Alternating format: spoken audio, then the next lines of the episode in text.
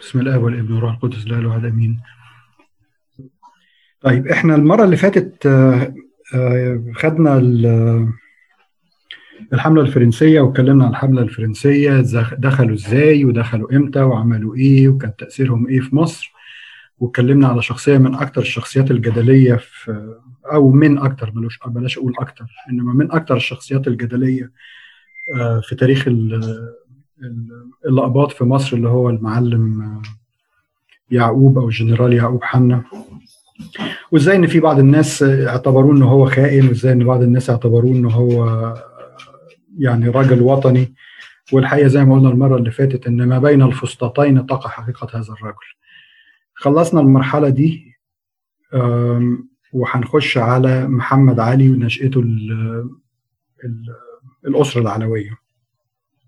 ناخد فكرة سريعة كده الأول عن مين هو محمد علي.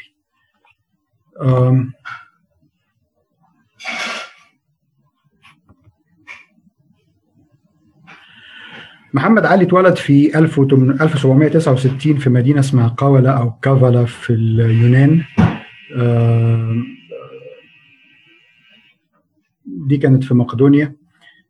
وعلشان كده اما حد يقول إن محمد علي ألباني. آه، ممكن تكون المعلومة يعني مش دقيقة قوي لأنه هو مولود في في في اليونان.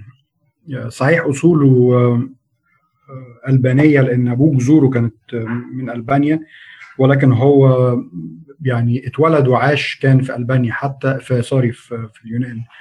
آه، حتى لو أنتوا يعني لو الصورة شايفينها ده البيت اللي هو كان عايش فيه في في اليونان في كافالا. والشارع متسمي باسمه جبت لكم برضو أسامي يعني صورة لاسم الشارع. آه، فيعني حتة إن هو كان ألباني دي يعني ممكن ممكن يكون فيها كلام شوية. المهم آه، كان نشأ في عيلة عادية جدا. أبوه كان يعني ممكن نقول كمان تحت المتوسط كان شغال في السلطنة العثمانية كان آه، موظف عادي يعني بسيط الحال جدا. آه، مات وهو صغير. أبوه يعني مات وهو محمد علي صغير وأمه ماتت برضه وهو كان عنده 14 سنة.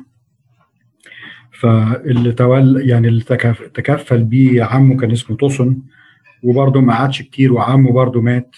فاللي خده وتكفل بيه كان آه، حاكم كافلا اللي هو كان اسمه الشرباجي إسماعيل. الشرباجي على فكرة ده مش اسم ده ده آه، وظيفة آه، معناها الحاكم. فأنت ممكن تقول الشرباجي إسماعيل أو إسماعيل الشرباجي. هم ال... هو الراجل اسمه إسماعيل الشرباجي ده آه، وظيفته. دخلوا الجيش والراجل آه، محمد علي آه، بين كفاءة عالية جدا في مجال الجندية وكان واضح إن هو كان يعني كان جندي بارع. ومن ضمن إن هو إن يعني كفالته له إن هو جوزه مراته اللي هي اسمها أمينة هانم. أمينة هانم دي اللي هو أول زوجاته هو اتجوز كتير قوي وخلف كتير جدا. ولكن أول جوازاته كانت أمينة هانم ودي كانت من أسرة عريقة ومرموقة في اليونان. كانت أسرتها غنية جدا بيشتغلوا في تجارة الدخان. وهو بجانب إن هو كان شغال برضه في ال... يعني كان برضه بيشتغل في تجارة مراته آه، رغم إن هو كان في الجيش. خلف من مراته دي إبراهيم وطوسن وإسماعيل وتوحيده ونظلي. آه، وبعد كده من زيجة أخرى اتجوز سع... آه، خلف سعيد. وأنا قاصد إن أنا أقول إن هو يعني أذكر اسمه سع... ابنه سعيد علشان هنيجي لذكره في بعد شوية صغيرة. آه، بالمناسبة برضو على موضوع توسن ابنه ده توسن مرة كانوا في حملة على الجزيرة العربية في السعودية ورجع كان جاله مرض الطاعون. آه، ومات بسبب مرض الطاعون. فهو محمد علي عرف إن هو من الأشياء اللي ممكن تعالج الطاعون ده الموالح. فهو اللي استورد أو هو اللي أدخل زراعة الموالح في مصر وبداها في أراضيه. وبعد كده انتشرت في كل مصر. وهو اللي دخل كمان في واحد من اللي كان بعتهم في في البعثات اللي كان بيبعتها جاب له محصول اليوسفندي والراجل كان اسمه يوسف يوسف أفندي وهو اللي يعني الموضوع ابتدى من المرحلة دي. المهم أما جم في 1801 أما الحملة الفرنسية في مصر كانت الدولة العثمانية كانت قررت إنها تحارب علشان تطرد الفرنساويين في مصر فطلبت من كل بلد من البلاد اللي هي محتلاها إن هي تبعت لمصر كتيبة من 500 عسكري علشان يروحوا يحاربوا الفرنساويين في مصر. محمد علي اختير إن هو يكون نائب رئيس الكتيبة الألبانية اللي هي راحت تحارب في مصر وكان القائد كان ابن الشرباج إسماعيل ده اللي هو الحاكم. بعد ما وصلوا مصر بحاجة بسيطة جدا رئيس الكتيبة دي ما عجبوش الحال وقرر إن هو يرجع بلاده فاللي أصبح هو رئيس الكتيبة هو محمد علي. دخلوا الحرب طردوا الفرنساويين في 1801 عقدوا اتفاقية خرجوا الفرنساويين و خلاص ما بقاش فيه فرنساويين في مصر. تولى خسرو باشا ولاية مصر في 1801 ولكن دخل في معركة ضد المماليك وهرب يعني ساب ساب ولاية مصر جاء بعد واحد اسمه طاهر باشا دخل برضو أو قتلوه مجموعة من الانكشارية، الانكشارية دول كانوا طائفه من المماليك. في الفترة دي الحقيقة كان محمد علي كان في منتهى الذكاء لأنه ابتدى إن هو يخش في المجتمع المصري بتقله. فدخل جدا في وسط الأشراف وعلماء الأزهر والأعيان والعلماء وبنى لنفسه شعبية شديدة جدا في وسط المجتمع المصري. وما اكتفاش برضه إن هو يكون يعني علاقاته مع الإليت من من من المجتمع ولكن دخل برضه على عامة الشعب فتجد إن المصريين في كافة طوائفهم من من من تحت حتى فوق حبوا الراجل ده جدا واعتبروه إن هو مش مش واحد غازي أو واحد جاي ينهبهم أو جاي يحتلهم بالعكس اعتبروه واحد منهم. المهم يعني بعد ما طاهر باشا ده قتلوا الانكشارية تم تعيين خورشيد باشا. وهنا حصل حاجة مهمة إن هو مع تعيين خورشيد باشا تم ندب محمد علي إن هو يكون والي على جدة. ودي كان ليها سبب لإن الباب العالي في إسطنبول حس إن محمد علي عمال يكبر عمال يتقل في مصر وحسوا إن هو ده ممكن يسبب ليهم مشكلة. فعشان كده طلعوه إن هو يكون والي على جدة. المصريين بقى بكافة طوائفهم صاروا على القرار ده وما حبوش أبقى مش صاروا علشان خورشيد اتعين لا صاروا علشان محمد علي هيسيب مصر. قامت مش عايز أقول ثورة ولكن شغب في, في كل شوارع مصر احتجاجا على القرار بتاع نقل محمد علي لجده. في الآخر استجاب إسطنبول استجابت وعينوا محمد علي والي على مصر. فهو دخل أو أصبح والي على مصر بأسلوب لا يخلو من الدهاء إن هو يعني مش عايز أقول اتمحلس ولكن عمل خطة معينة بحيث إن هو يجي بإرادة الشعب. يعني مش عايز أدخل أكتر من كده في في, في نواحي تاريخية لمحمد علي لأن اللي يهمنا بالأكتر هو تاريخ الكنيسة وتاريخ الأباط في الفترة دي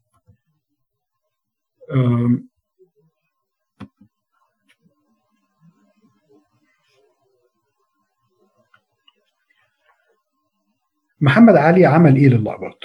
الحقيقة محمد علي كان راجل برجماتي بامتياز يعني بيشوف مصلحته تيجي مع مين وتيجي إزاي ويمشي معاها بغض النظر عن أي اعتبارات اعتبارات أخرى.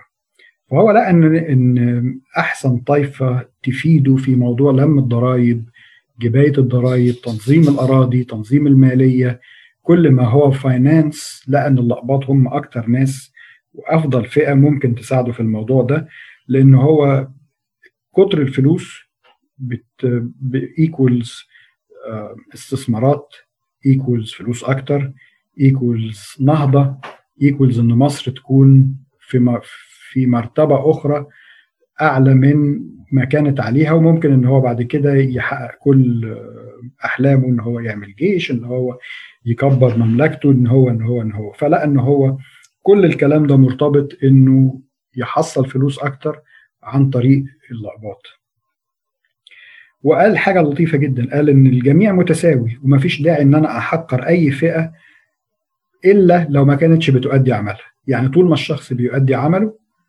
مفيش أي سبب يدعو إن نحقر هذا الشخص أو نحقر الفئة اللي هو جاي منها.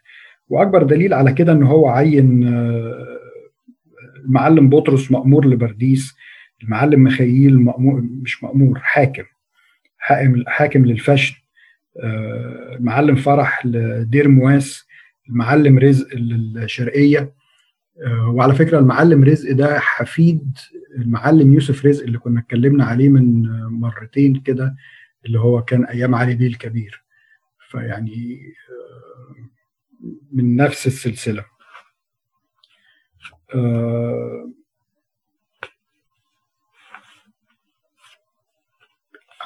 من ضمن الحاجات اللي عملها إن هو لأول مرة إن هو من أيام الغزو من ساعة ما الغزو جه إن هو ألغى آه، قيد الزي. ما ألزمش اللقباط إن هم يلبسوا زي معين ما ألزمهمش إن هم يلبسوا عمامة لونها معين ما ألزمهمش إن هم ما يلبسوش ألوان معينة أو إن هم منسوجات معينة ما يلبسوهاش. لغى الموضوع ده تماما. كل الناس تلبس اللي هي عايزاه الألوان اللي هي عايزاها. مش لازم إن إحنا نلبس الناس دي لون معين زي ما كان زي ما كان موجود قبل كده. وبالمناسبة إن هو أول لما عمل الكلام ده تبارى بيقول لك في كتب التاريخ يقول لك تبارى الاقباط في لبس كل ما هو نفيس والكشمير والشيلان. فيعني هم يظهر ما صدقوا إن هو الموضوع ده وكله نزل اشترى وكله نزل لبس. كمان أباح حرية ممارسة الطقس.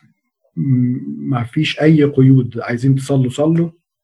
فتح موضوع بنى الكنايس عايزين تبنوا كنايس ويعني لا يذكر إن هو رفض أي طلب آه، لبنى كنيسة أو حتى إصلاح كنيسة. آه، فتح الباب لزيارة الأراضي المقدسة الاقباط اللي عايزين يروحوا القدس آه، اللي عايز يروح يروح. وحتى في وثيقة سنة 1825 بيوصي فيها متسلم غزة متسلم غزة زي ما تقولوا كده العمدة بتاعت غزة. آه، بيوصيه بالحجاج لأباط ما حدش يتدخل في شؤونهم. وجات وثيقة ثانية في 8 في 27 وجات وثيقة ثالثه في 28 لعمد غزة والقدس تسهيل الرحلة وحماية المصريين اللأباط والمحافظة على شموعهم وزيوتهم وأشيائهم وإكرامهم. آه، من ضمن الحاجات اللي هو برضو يعني تحسب له إن في 1814 بعد ما في السنة يمكن اللي مسك فيها أو بعدها بسنة حصل نوع من ال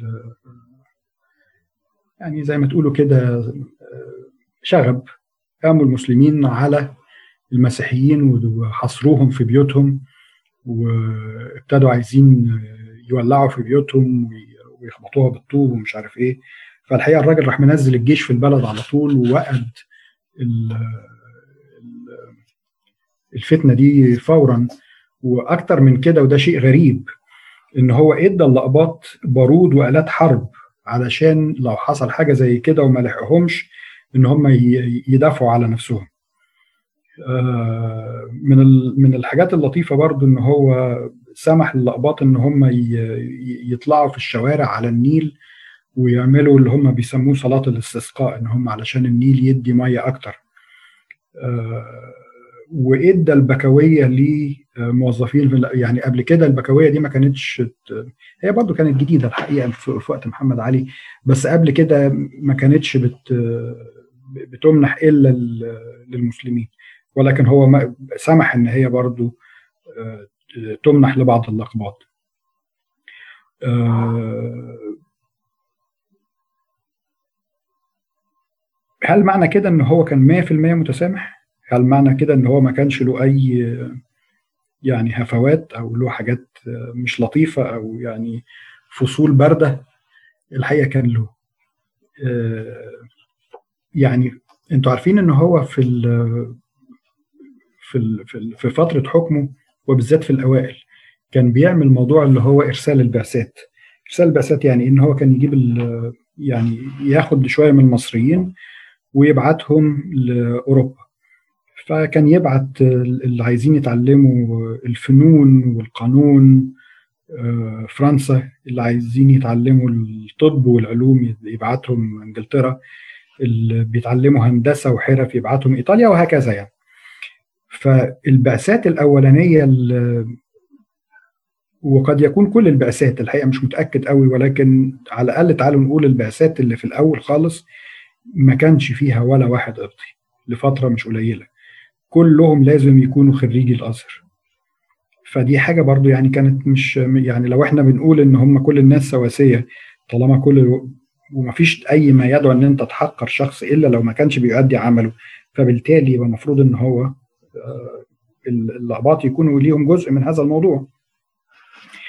آه، الحاجة الثانية إن هو مثلا آه، أما حد يغير ويخش الإسلام كان يبقى يغدق عليه بالمال ويكافئه بمبالغ كبيرة ويعمل له زفة كبيرة في الشوارع ويكرمهم يعني آخر كرم. ولكن العكس صحيح. يعني لو حد يعني ما كان في واحدة مثلا ست كانت اتجوزت واحدة مسلمة يعني اتجوزت واحد مسيحي وغيرت دينها فغرقها في النيل. مسكها كده راح حاططها في النيل وغرقها. الحاجة ما كانش ابدا ابدا ابدا يسمح بدخول اللقباط الجيش. هو يعني هنعرف بعد كده بشوية صغيرة إن هو آه، أنشأ جيش.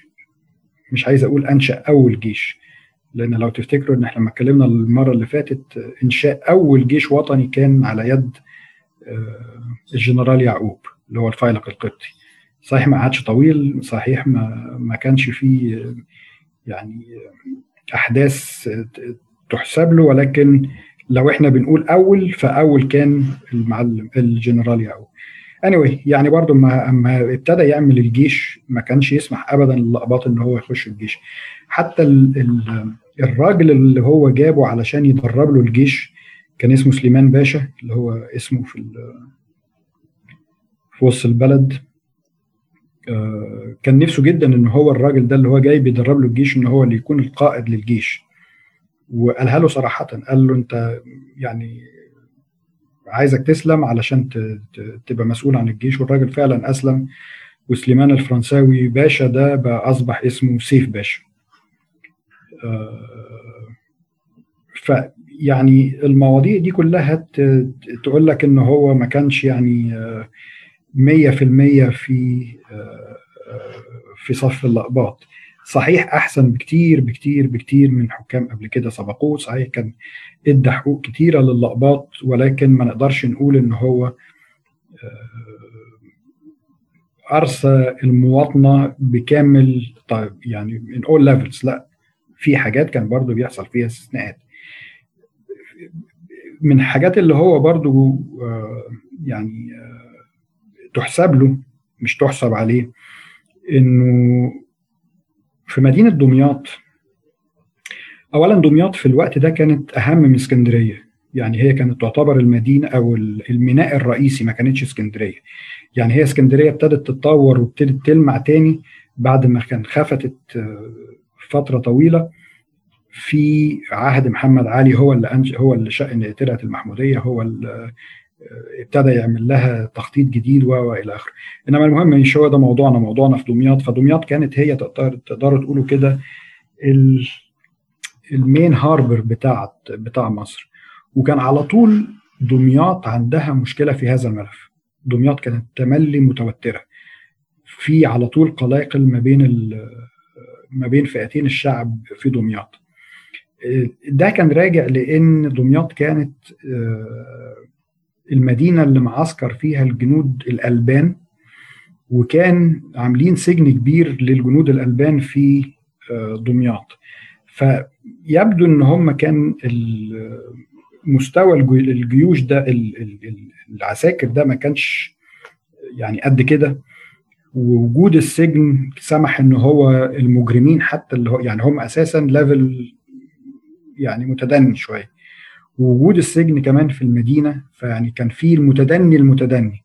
وكانوا تملي بيشيعوا في وسط أهالي دمياط إن المسيحيين دول لازم ليهم أي يعني ليهم علاقة بالفرنساويين اللي هم كانوا جم وكانوا عايزين يحتلوا بلادكم فعلى طول الناس كانت بتربط ما بين اللقباط والفرنساويين وده ما كانش ابدا في صالح المسيحيين. من الحوادث المشهورة اللي حصلت في دمياط كان مرة في واحد راجل أرماني هاجر من اسكندرية راح لدمياط علشان يشتغل. وأجر محل وابتدى يشتغل وإلى آخره. ما عرفش يعني تجارته ما مشيتش. فحاول إن هو يخرج يرجع تاني على اسكندرية يبدو إن هو زمان ما كانش أي حد عايز يسافر يسافر ويروح ويجي لا لازم كان ياخد إذن. فحاول إن هو ياخد تذكرة الخروج دي ما أمكنش ابدا. فمن هنا لهنا من هنا لهنا ما فيش أي كانت طريقه إن هو الراجل الارماني ده يخرج من دمياط غير إن هو أسلم. فبعد ما أسلم راحوا برضه واخدين الراجل ده وزفوه في الشوارع وعملوا له هيصه وزنبليطة وإلى آخره. ماشي يعني مفهوم. يعني شفنا الموضوع ده قبل كده. ولكن وهم بيعملوا كده برضه حرقوا بيوت المسيحيين رجموهم بالطوب يعني حاجات غريبة كده الحادثة الثانية اللي مشهورة جدا في دمياط ترتبط بواحد قديس إحنا عارفينه كلنا وعزيز علينا قوي قديس سيدهم بشاي طبعا. قديس سيدهم بشاي اختلف في الم... يعني على الأقل المصادر اللي أنا شفتها كانت مصادر قالت إن هو كان تاجر خشب في اسكندرية وكان بينزل دمياط كتير علشان يجيب أخشاب. وفي مصادر أخرى قالت إن هو كان كاتب في الديوان العثماني في دمياط. الحقيقة مش عارف هو أنهين فيهم ولكن ما علينا إن هو كان موجود في دمياط. لسبب أو لآخر لاختلاف حصل أو ما حصلش الله أعلم إن هو اختلف مع واحد من أهل المدينة والراجل راح ادعى عليه إن هو سب الدين الإسلامي. وراح جاب اثنين شهود زور واحد حمار وواحد واحد آخر يعني يعني المصادر بتقول عليه بربري فيعتقد إن هو من يا إما أهل أسوان يا إما أهل النوبة. إنما مكتوبة كده في في المصادر أتى بشهود زور هم بربري وحمار. المهم شهدوا على القديس سيدهم بشاي وخدوه للقاضي الشرعي. القاضي الشرعي قال له قدامك قاعد حلين يا تسلم يا تتقتل. فيعني ما خدش وقت طويل إن هو يفكر وقال لك لا مش هسيب ديني ومش هسلم واللي عايزين تعملوه اعملوه فجاء القاضي الشرعي جلده وبعد ما جلده راح محوله على محافظ المدينة. محافظ المدينة أخذ الكيس يعني القضية بتاعته وأيد حكم القاضي الشرعي وأول لما ايد حكم الشرعي القاضي الشرعي راحوا واخدين القديس سيدهم بشاي وجرجروه على سلم المحافظة على وشه. فطبعا اتبهدل جدا وعظم وشه اتكسر. لفوا بيه شوارع المدينة وهو راكب جاموسة مقلوبة. يعني لو حد من مننا يعني من أهل الريف زمان علشان كانوا كانت نوع من التحقير علشان تحقر واحد تركبه بالمقلوب على ركوبة وتلف بيه القرية أو المدينة. فهو ده مش كمان ركبوه على ركوبة ده ركبوه على جاموسه فيعني تحقير مضاعف. وأشياء كتيرة جدا من من العذابات. ضربوه بالعصيان ضربوه بالأحذية. الشيء الغريب جدا يعني كنت أول مرة اراها إن هم ربطوا في جسمه كلبين وقطة. علشان الكلبين يت يت يتخانقوا مع القطة فيزيدوا من ألامه ويقعدوا ينهشوا في لحمه وهم بيتخانقوا مع بعض. في الآخر راحوا جايبين زيت مغلي ورموه على على جسمه وراحوا رامينه قصاد بيته. يعني خمس أيام والقديس ده راح السماء. الموضوع ده ما عداش على خير لأن اللقباط عملوا حاجتين. راحوا اشتكوا لمحمد علي وراحوا اشتكوا لقناصل لأن القناصل أو السفراء بتوع الدول الأوروبية كانوا موجودين في دمياط في الوقت ده. فراحوا رفعوا مظلوميتهم لمحمد علي وراحوا للقناصل بتاعت الدول الأوروبية. فالمهم الدنيا قامت الحقيقة. و... واتدخل محمد علي وفتح تحقيق في الموضوع ده ولقى إن الكلام ده كله يعني نوع من ال مش مظبوط ونفى القاضي الشرعي ونفى المحافظ. وعملوا جنازة الأقباط في الوقت ده عملوا القديس جنازة يعني لفت البلد كلها ومشوا الأسس والشمامسة بكامل لبسهم وبالبخور ولفوا بيه المدينة كلها في الجنازة ودي كانت أول مرة علامة الصليب تترفع في جنازة. فيعني برضه تحسب ليه إن هو ما سمحش إن هو إن الظلم ده يت يعني يتكرر أو يفضل للآخر. كالمعتاد برضه محمد علي كان من يعني أحد من من من الشخصيات اللي هو ينبسط من القبط يرفعه الفلوس تقل شوية يغضب عليه وينفيه. من الناس اللي هو كان يعني تقدروا تقولوا دراعه اليمين كان هو المعلم غالي. أنا الحقيقة برضو حاولت أعرف هل المعلم غالي ده هو جد بطرس باشا غالي اللي هو كان ال القاضي بتاع مذبحة دنشواي ولا ده تشابه أسماء؟ الحقيقة ما عرفتش بس most likely إن هو الجد جد العيلة دي الكبير. فالمهم المحم... المعلم غالي ده ي... ي... ينبسط منه ي... يرقيه ويعليه ويديله فلوس. يغضب عليه يسجنه. وما يسجنه كان إيه؟ يعني لو هو مثلا المفروض سي مثلا إن هو يجيب 100 جاب 80 بس. يسجنه ويخليه يدفع ال 80 دي من جيبه. آه وفضل على هذا المنوال يغضب ويتصالح ويغضب ويتصالح لغاية أما جاب إبراهيم باشا ابنه وضربه بالرصاص ضربه ضرب المعلم غالي ده بالنار. وأمر إن جثته تفضل مرمية في الشارع ما حدش يشيلها. بس الحقيقة جه المعلم رزق ده اللي إحنا لسه متكلمين عنه وهو ده برضو خده ودفن.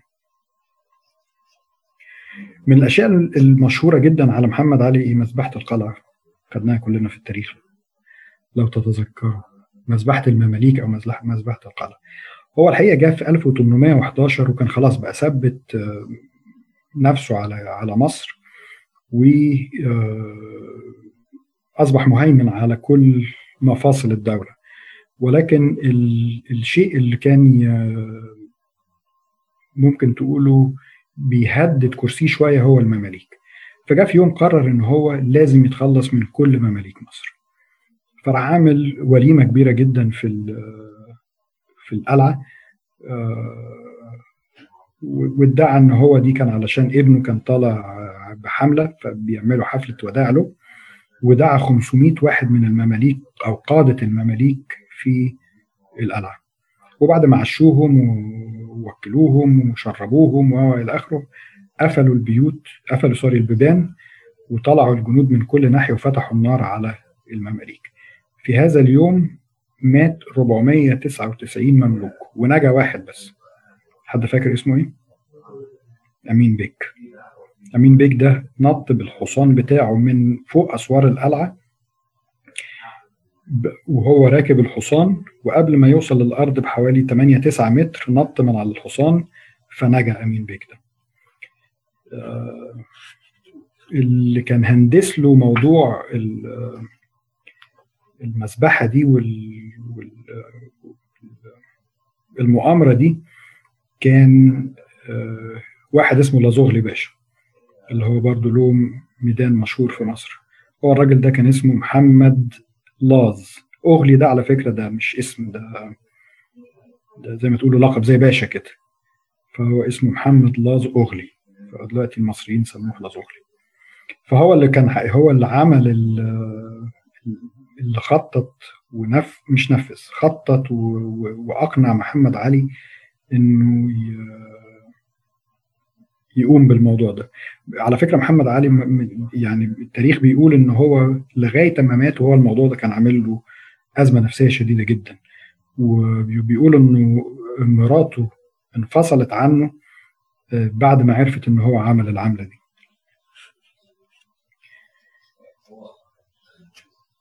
من الأشياء اللي برضو المشهورة اللي حصلت بس بعد بقى محمد علي ده في وقت في وقت ابنه حاجة إحنا بنعاني منها أو الكنيسه قعدت تعاني منها فوق ال ويمكن 50 سنة ما ابتدتش تفرج شوية غير من خمس ست سنين اللي هي إيه؟ اللي هو ما يسمى بالخط الهميوني أو الخط الخط الشريف. آه إرمين إحنا are we good in time ولا لسه؟ طيب الخط الهميوني أو الخط الشريف ده ده تقدروا تقولوا زي يعني تقنين دستوري. يعني جابوا شوية مشاكل حطوها في فرمان علشان يحلوا بيها أو يقننوا بيها بعض المسائل اللي كانت معلقة وكانت غير محسومة وكانت على طول مسار اختلاف. وهي على فكرة ده ما اتعملش لمصر ده اتعمل لكل البلاد اللي بتسيطر عليها الدولة العثمانية. يعني مش حاجة خاصة بأقباط مصر ولكن حاجة خاصة بالدولة العثمانية.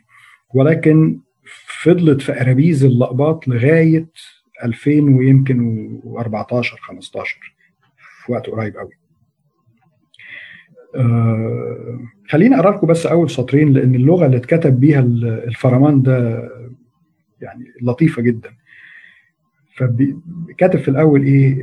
الفرمان العالي الموشح بالخط الاميوني الذي جرى شرف صدوره خطابا للوكالة المطلقة بخصوص الإصلاحات. ده العنوان. بعد كده بقى يقول إيه؟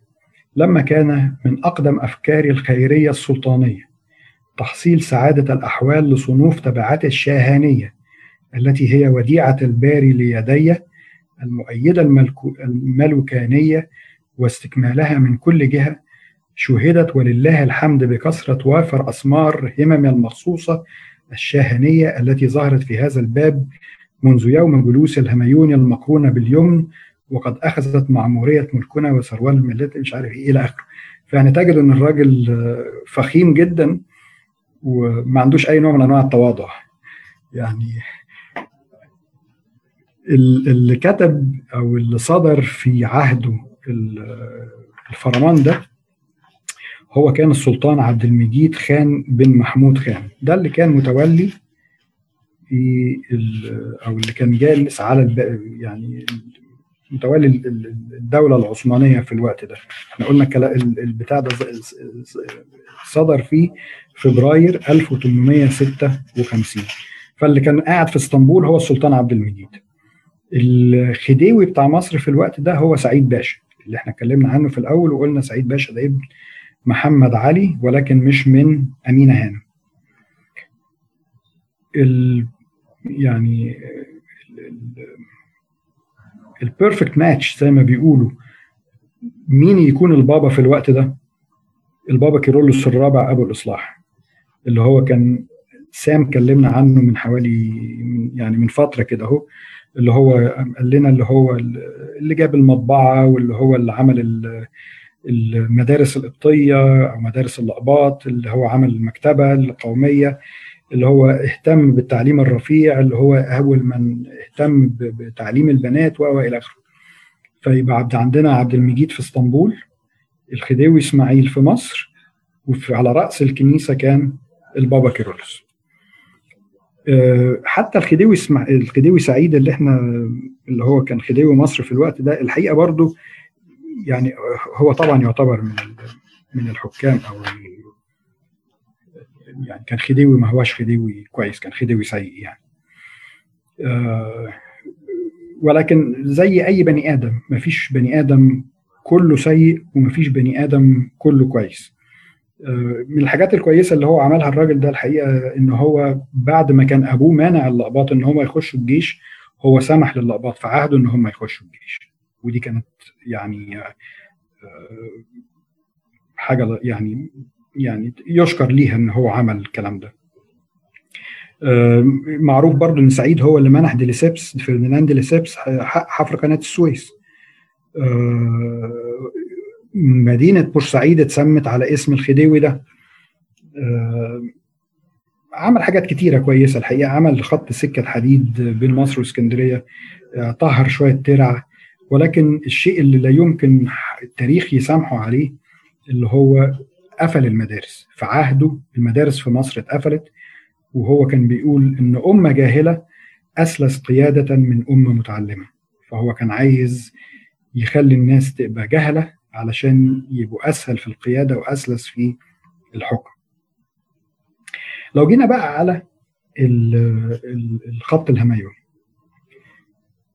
زي ما قلنا الخط الهميوني كان مراد بيه إن هو ينظم أمور كانت مش منظمة. هناخد أربع نقط علشان أنا عارف إنه ممكن يكون الوقت ابتدى يجري. هناخد أربع نقط. أول نقطة مكتوب في ال في ال يعني هقرأ النص سطرين من النص ونتكلم عليه. فأول نص يقول لك إيه؟ حفظ الناموس في حق جميع تبعته الموجودين في أي دين كان بدون استثناء. اللي هو دلوقتي الدساتير بتقول عليه إيه؟ المساواة بين المواطنين أمام القانون دون تمييز بسبب اللون أو الجنس أو العقيدة. ده موجود في الخط الهميوني فدي حاجة مش يعني مشكورة. النقطة الثانية. بعد أن تصلح أصول انتخاب البطاركة الجاري والحالة هذه يصير كذلك إجراء أصول تنصيبهم وتعيينهم لمدى لمدة حياتهم. الموضوع ده كان يعني بيقول إن هو بعد ما يعملوا إجراءاتهم علشان ينتخبوا البابا و إلى آخره بأمر القانون بأمر الخط الهميوني بأمر هذا الفرمان مكتوب تعيينهم لمدة حياتهم. وده كان أمر يعني كان الاقباط فرحوا بيه جدا لأن كان قبل كده كان يجي الوالي يشلح البابا أو مش يشلحه يعني ينفيه يمشيه يجيب حد بداله. فالموضوع ده كان عامل يعني مشاكل للأقباط في مصر. وساب لهم هم الأقباط حرية عزل البابا اللي هو المجمع المقدس لإما يعني عجز جنون هرطقة أي شيء من هذا من هذا القبيل. والنقطة دي اللي هي بتاعت عزل البابا دي لو نرجع بذاكرتنا في سنة 81 السادات أما اختلف مع البابا البابا شنودة كان منتهى أمل السادات في الوقت ده إن البابا شنودة يختفي تماما من المشهد. ما كانش عايزه. وكان عايز يشيله ويجيب حد تاني. ما قدرش يعمل الموضوع ده ليه؟ ما كملش في اللي هو عايزه ليه؟ بسبب الخط الهميني بسبب الحتة اللي موجودة في ال في ال في, ال في الفقرة دي. فده كان أمر يعني كويس يعني عظيم إنه الحتة دي تبقى موجودة في الخط في الفرمان ده. النقطة اللي بعد كده بيقول لك إيه؟ لا ينبغي أن تقع موانع في تعمير وترميم الأبنية المختصة. بإجراء العبادات في في المداين والقصبات والقرى التي جميع اهلها من مذهب واحد شوف بيقول لك إيه؟ لا ينبغي أن تقع موانع في تعمير وترميم? لكن إذا لازم تحديد محلات نظير هذه فيلزم عندما يستصوبها البطريرك أو رؤساء الملة أن تعرض صورة, صورة رسمها وإنشائها مرة إلى بابنا العالي لكي تقبل تلك الصورة المعروضة ويجري اقتضاؤها على موجب تعلق إرادات السنية والملكونية وتتبين الاعتراضات التي ترد في ذلك الباب بظروف مدة معينة. يعني يعني هو ملخص الموضوع إنه ما فيش عوائق تقع في تعمير وترميم الأبنية. ونيجي في نفس النقطة بعدها بسطرين ثلاثة يقول لك متى لزمها؟ اللي هي الطائفة يعني. أبنية يقتضي إنشاؤها. يعني الأول إحنا كنا بنتكلم في الترميم والتعمير هنا بنتكلم على الإنشاء الجديد. يلزم أن تستدعى تستدعي بطارجتها أو جماعتها مطارنتها الرخصة اللازمة من جانب بابنا العالي يروح يطلعوا رخصة من الباب العالي فتصدر رخصتنا عندما لا توجد في ذلك موانع ملكية. الموانع الملكية إيه؟ إن هي تكون الكنيسة دي مبنية على أرض خاصة بالباب العالي أو السلطان أو الخديوي. والمعاملات التي تتوقع من طرف الحكومة. فمعنى كده إن هو في سنة 1856 ما كانش في أي موانع لبنى كنايس ما كانش في بنى موانع لترميم كنايس وهو مكتوب لا ي... صراحة لا ينبغي أن تقع موانع. إلا لو كانت الأرض دي مش الأرض بتاعت اللقبط أرض بتاعت كنيسة آه، أرض بتاعت السلطان. طب شريف أنا عندي سؤال معلش هقطعك بس أنا عايزة أفهم الباب العالي هنا مقصود بيه الخديوي على مستوى مصر ولا يعني لو كنيسة غلبانة في حتة غلبانة في مصر القديمة مثلا حتة وقعت أو عايزين ينشئوا كنيسة في المنطقة ديت لازم يبعتوا جواب للباب العالي في اسطنبول علشان لا. للممثل بتاعه في في في في مصر اللي هو الخديوي. آه وبعدين الخديوي هو اللي يرفعها للباب العالي. بص أنا مش قادر أفتي لك قوي في الحتة دي بس اعتقادي وده مش مش مش معلومة ولكن اعتقاد إن هو ما كانش بي بي بيرفع ولا حاجة يعني كان بيبقى قراره هو. بس تاني دي مش معلومة دي استنتاج. آه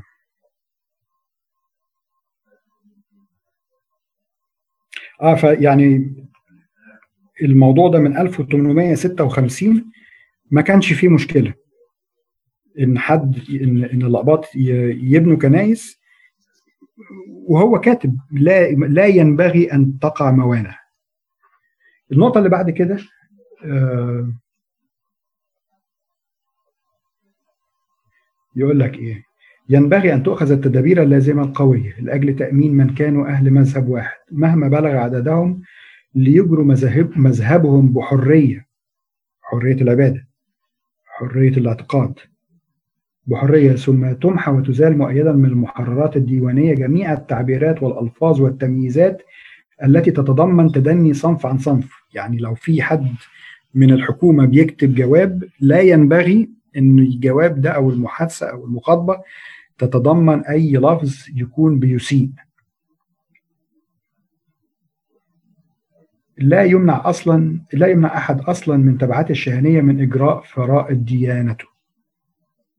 فده برضو أمر كان أمر يعني محمود جدا.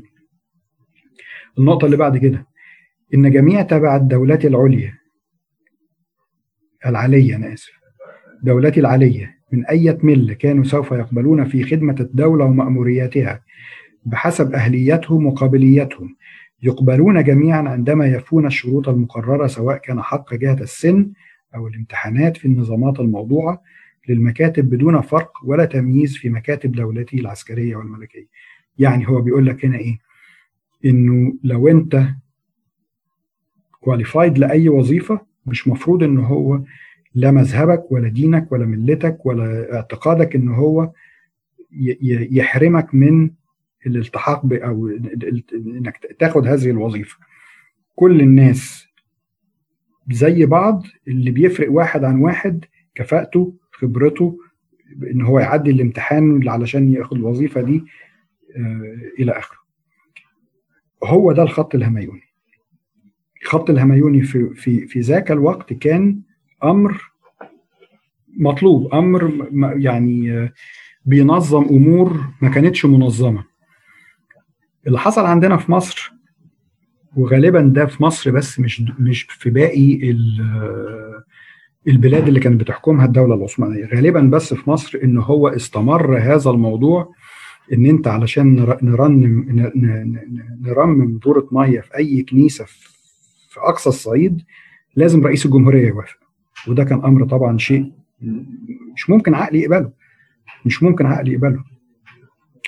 اللي زاد من ال من ال من ال من ال من السوء من الأمر سوءا يعني إن من 1856 جت حكومات وجت ديمقراطيات وجت يعني حكام بيدعوا الديمقراطية وبيدعوا الانفتاح ولكن لم يلتفت أحد إنه يبص على الموضوع ده. فمصر كانت بالاسم بتقول إن هي دولة ديمقراطية لها حق المواطنة ولكن الخط الهميوني ده كان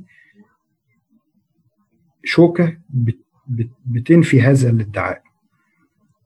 اللي حصل بعد كده وكان أسوأ بكتير كمان في سنة 1800 1934 جاء وزير أو وكيل لوزارة الداخلية عمل حاجة اسمها الشروط العشر. دي زودت سوء في الخط الهميوني مش عايزين ندخل المرة دي في الموضوع الشروط العشرة دي علشان من يعني من من ما نضطرش إن إحنا نتكلم بسرعة وناخده ب... ب... ب... نسلقه يعني فخلينا للمرة الجاية علشان نتكلم فيه باستفاضة. آه أنا كده خلصت